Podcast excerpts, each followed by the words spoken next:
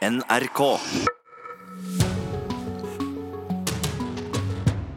Vi venter på skattedirektøren, vi, som skal fortelle om en stor europeisk skatteskandale. Men i mellomtiden så skal det handle om en debatt helt på toppen av norsk kunstliv, Ugo. Mellom Dagsavisens kunstkritiker Lars Elton og Nasjonalmuseets sjef Karin Hinsbo.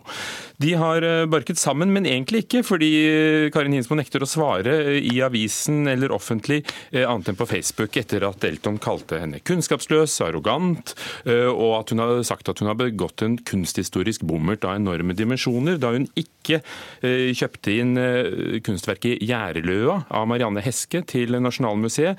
Denne løa, denne låven, er ifølge Elton et av nasjonens viktigste konseptuelle kunstverk. Like viktig som 'Brudeferden i Hardanger' eller 'Skrik', skriver han.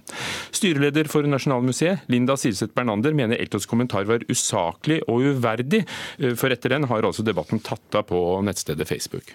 Tona i den artikkelen går for langt, og gir egentlig en slem undervurdering av Karin Hinsbos bakgrunn og også av hennes lederegenskaper. Styrelederen for Nasjonalmuseet går til hardt motangrep mot kommentaren som sto på trykk i tirsdagens Dagsavisen.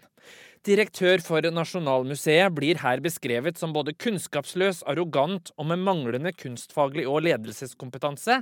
Den beskrivelsen reagerer Bernander sterkt på, og mener den er langt fra virkeligheten. Hun er altså valgt av et samla styre til å lede et av historiens største kulturelle flytteprosjekter, der fem tidligere institusjoner skal inn i et helt nytt museumsbygg som åpner i 2020. Altså, Vi snakker om en lederjobb av dimensjoner. Og ingen hos oss hadde gitt en slik jobb til en person uten kompetanse og erfaring.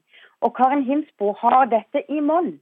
Kulturredaktør i Dagsavisen Mode Steinkjer forsvarer imidlertid sin kulturkommentator Lars Elton. Det var en skarp kommentar, og jeg syns det skal være høy terskel for meningsstoff i Dagsavisen. Jeg mener at eh, vi har dekket eh, Nasjonalmuseet på lik linje med hvordan vi dekker andre store eh, kunst- og kulturinstitusjoner. Og jeg er vel litt forbauset over at ikke Nasjonalmuseet på oppfordringer valgte å ta debatten videre og svare på den kritikken i Dagsavisen. I stedet skrev Karin Hinsbo et langt innlegg på Facebook, hvor hun beskylder Lars Elton for konsekvent å undergrave hennes posisjon og kompetanse i hans kommentarer. Hun har dessuten blokkert Elton fra hennes Facebook-side.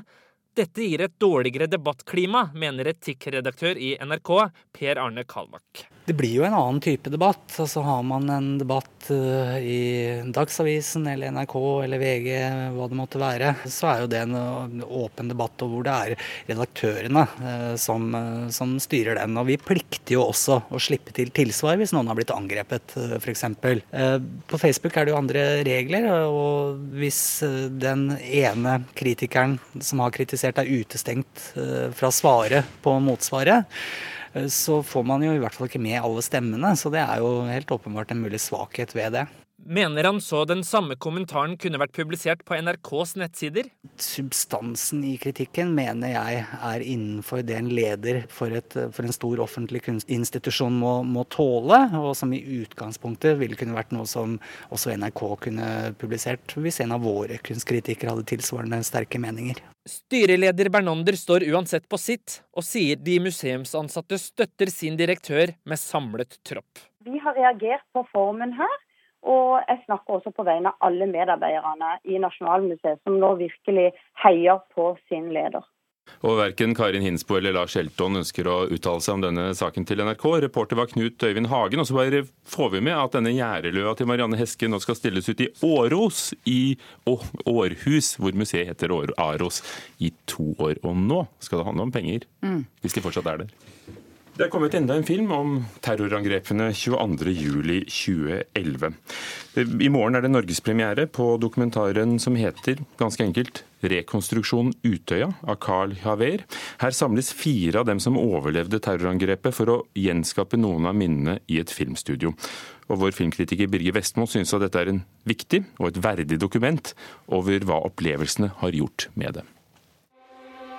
Hvis det er øya, da og så er det klipper her. Det er veldig bratt her.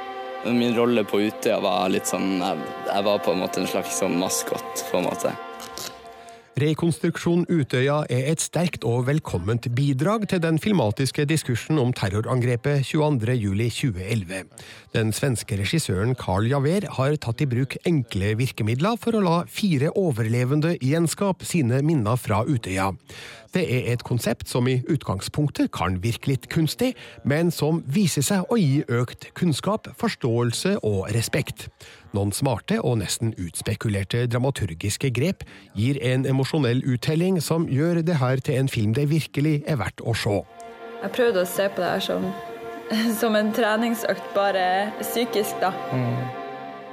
Rakel, Mohammed, Jenny og Torje forteller sine historier hver for seg. Ved hjelp av tolv ungdommer gjenskaper de noen avgjørende øyeblikk fra Utøya i et filmstudio på filmcampen i Målselv. Det er ikke selve gjenskapinga som gjør størst inntrykk, men å se hva det her gjør med både de fire overlevende og ungdommene som er med på å utspille situasjonene. Det er lett å se hvordan de bearbeider sterke inntrykk foran kamera. I ett av tilfellene ser man òg en tilsynelatende mangel på emosjonell respons, som likevel ender opp med å bli et sterkt eksempel på terrorens konsekvenser. Og da ser jeg en politimann, og det er stegene hans. Han går egentlig veldig sakte med et gevær. Måten historiene iscenesettes på i filmstudioet, bærer sterke likhetstrekk med Lars von Triers Dogville, der de eneste kulissene er hvit teip som streker opp omriss av bygninger og natur. Det er òg det eneste man trenger for å se for seg hvordan det skjedde. Her er det nemlig seerens egen fantasi som skaper kulissene. Rakel, Mohammed, Jenny og Tarje forteller åpent og ærlig, med fryktelige beskrivelser som er både ubehagelige og rørende. Filmen maner til respekt for deres kamp for å komme seg videre i livet. Det er sterkt å se dem kjempe for å bevare håpet for framtida, og at deltakelsen i dette prosjektet kan være et ledd i prosessen. Hva faen er det du gjør? Pang, pang. Rekonstruksjon Utøya har en skreven dramaturgi som blir spesielt tydelig i den siste delen, der man kan mistenke at manusforfatterne Carl Daver og Fredrik Lange har påvirka hvilken informasjon som gis til hvilken tid. Denne delen av filmen blir imidlertid avslørt om man ser Paul Greengrass sin Netflix-film 22nd of July først, så vent gjerne med den til etter at du har sett Rekonstruksjon Utøya for best mulig effekt. Denne filmen er uansett et viktig og verdig dokument over hva terroren på Utøya gjorde med noen av de som overlevde den. Jeg skal faen ikke dø i dag. Dette er ikke slutten. Rekonstruksjon Utøya, anmeldt av Børge Vestmo, den har premiere på kinoer i morgen. Pushwagner er en kunstner veldig mange har hørt om, eller Terje Brofoss som han eh, egentlig het. og Da han døde i, i våres, så ble begravelsen hans gjort i en eneste stor fest på Kunstnernes hus i Oslo, akkurat som han selv hadde ønsket det. Og nå er den første fullstendige biografien om Terje Brofoss eh, kommet. Det er Petter Meilender som har skrevet den, og vår kunstkritiker Mona Pale Bjerke har lest den. Ja, dette er en utrolig grundig og åpenhjertig skildring av et liv helt utenom det vanlige. Og det er jo en utrolig ruvende skikkelse i norsk kunstliv. Terje Brofoss og hans liv er full av anekdoter, eh, spektakulære hendelser. Hva slags fenomen ble Pushwagner? Ja, det, Han er jo et, eh, virkelig en utrolig en særstilling i, i norsk uh, kunstliv, Pushwagner. En som veldig mange har hørt om, som veldig mange har et forhold til. Han er jo kjent for disse utrolig sterke Eh, bildene i gjerne en sånn rosa liksom pastellestetikk, pop, leken popestetikk, hvor han skildrer det fremmedgjorte gjennomsnittsmennesket som lever sine ordinære, meningsfattige liv i byens klaustrofobiske trengsel. Petter Meilender har skrevet flere mindre bøker om, eh, om Brofoss Pushwagner tidligere. Eh, hvordan forteller han hele livshistorien, og, det på 800 sider? Ja, Det slo meg umiddelbart da jeg begynte å lese at Dramaturgien i fortellingen er preget av en tydelig determinisme. altså At den peker fremover, små hendelser peker fremover hvordan, uh, mot hvordan livet hans skal bli. Som eksempel, det begynner med en spåkone som sier til da mammaen at ja, dette blir en sønn, hun er gravid, og han kommer til å få det vanskelig. Han får mange penger som renner gjennom hans hender, og han vinner berømmelse sent i livet. Så allerede her har vi jo virkelig en sånn uh, fremoverpekende. Uh, men også under graviditeten tyske bombefly, fly lavt over Oslo. Det er disse truende skyggene skyene i horisonten som peker hen mot dette vanskelige livet som Brofoss skal få, men også den tunge fødselen. Og det er også veldig mange interessante barndomsskildringer. Annet hvordan han da flyktet fra barneparken for å bli innhentet av parktanten, som han ønsket skulle trykke han mot sine store, myke pupper. Hvor, han også da, hvor det sies at her fikk han smaken på det ulovlige, men også i dette igangsetter da noen seksuelle fantasier som handler om rosa undertøy. Han forestiller seg henne i rosa undertøy. Men det er også hans første møte med døden, som er veldig sterkt skildret. Hvordan han var fem år. Han hadde hans beste kamerat Arne, som også var fem år. De skulle kjøre på spark, spark nedover en bakke, og så var det en niåring som sa at det var klar bane. Og det antydes jo da at denne niåringen så bussen. Eh, som kom, men var nysgjerrig på hva som kanskje kunne skje. Og så treffer eh, jo bussen, og Arne dør. Og så er det to skikkelser som eh, får mye plass. Den ene er forfatteren Aksel Jensen. Og den andre er kunstmuseen Morten Dreyer, som hadde et langt samarbeid med, med Pushwagner. Hvordan fortelles dette, hvilken plass får de? Ja, I tillegg til de store kjærlighetshistoriene til Pushwagner, eh, som er destruktive og fantastiske og med mange opp- og nedturer, så er selvfølgelig Aksel Jensen og Morten Dreyer viktige skikkelser. Eh, Aksel Jensen det var jo samarbeid med han der hele på en måte kunstnerskapet springer ut. Innhold og estetikk utviklet i fellesskap, og dette samarbeidet ble veldig viktig. Morten Dreyer var jo den store mesenen eh, for Pushwagner, og ble jo etter hvert det ble jo en stor, eh, et stort rettsoppgjør rundt rettighetene til bildene. Og det jeg syns er litt fint, er at Meilender her belyser dette litt fra Dreyers vinkel. For det har jo vært litt ensidig fremlagt i eh, pressen, hvor man har sett ham som en utnytter av en stakkars narkoman som ikke visste sitt eget eh, beste. Her får vi liksom se det litt fra Dreiers side, og det er litt fint i en bok som ellers er veldig Pushwagner nær, og selvfølgelig har en veldig sympatisk holdning til eh, kunstneren mannen Terje Brofoss. Mm. Er det blitt en lesverdig historie? Jeg, jeg syns det har blitt en veldig lesverdig historie. Jeg var fortvilet da jeg fikk dette tunge anmeldereksemplaret på 800 sider. Jeg tenkte det var mye å lese. Eh, men den, det er en page-turner. En veldig lesverdig bok som griper fatt i deg med en gang. Men jeg er litt kritisk til den visuelle innpakningen, eh, må jeg innrømme. Fordi? Nei, her er det altså eh, en bok eh, som viser da på forsiden en liksom eldgammel, utslitt og syk Pushwagner med rennende øyne. Han er avkledd alle sine attributter. Han har ikke solbriller, han har ikke hatt. Han er, han er på en måte eh, mannen bak masken. Man skjønner at det er det de vil eh, formidle.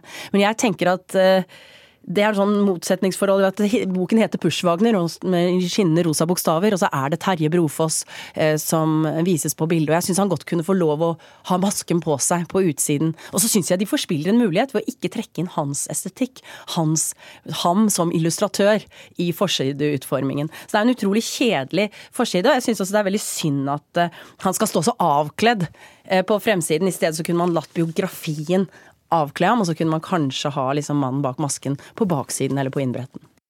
Mona Palle Bjerke, NRKs kunstkritiker, hadde lest Petter Meilenders biografi 'Pushwagner', som kommer ut på Kagge forlag i dag. Og hun skal faktisk utdype det hun mener eh, i åpen bok i P2 i ettermiddag.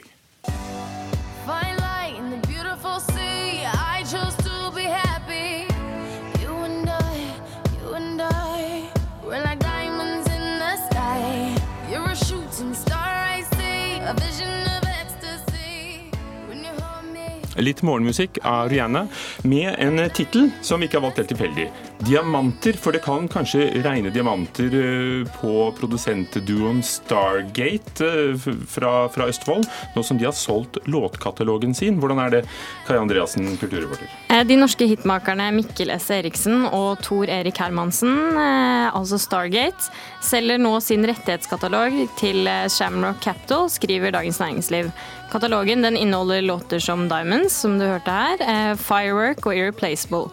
Kjøpesummen den er ikke kjent, men magasinet Billboard sine kilder opplyser at da låtkatalogen først ble presentert for potensielle kjøpere, så var låtskriverne ute med en pris i overkant av 50 millioner pund. Og det skal vel holde for et par diamanter. Det er jo i overkant av en halv milliard kroner. Over til noe helt annet. Nå kommer det en bok som avslører ukjente detaljer fra innsiden av Kripos. Kriminaltekniker Håvard Haftor Arntzen har jobbet med noen av de mest omtalte kriminalsakene i Norge. I den nye boka 'Åsted' forteller han om hvordan Kripos jobbet med gisseldrama på Torp, Monica-saken, Nokas-ranet og 22.07, skriver Dagbladet.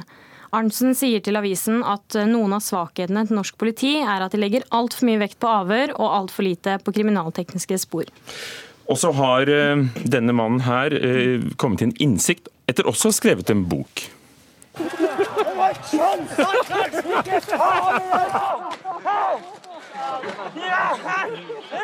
Og mannen er altså skiløper Petter Northug. Eh, med sin nye bok 'Min historie' eh, så, så virker han kanskje litt annerledes enn det vi hørte her. Eh, ja, i sin nye bok så forteller langrennsløper Petter Northug åpenhjertig om store oppturer, dype nedturer og alt som ligger bak. Northug sier til NTB at bokprosjektet ble som terapi for han. Det er også en bakside med alle medaljene. Northug forteller også om tvangstanker, måneder med mareritt og tendenser til sosial angst. Takk, Kaja Andreassen.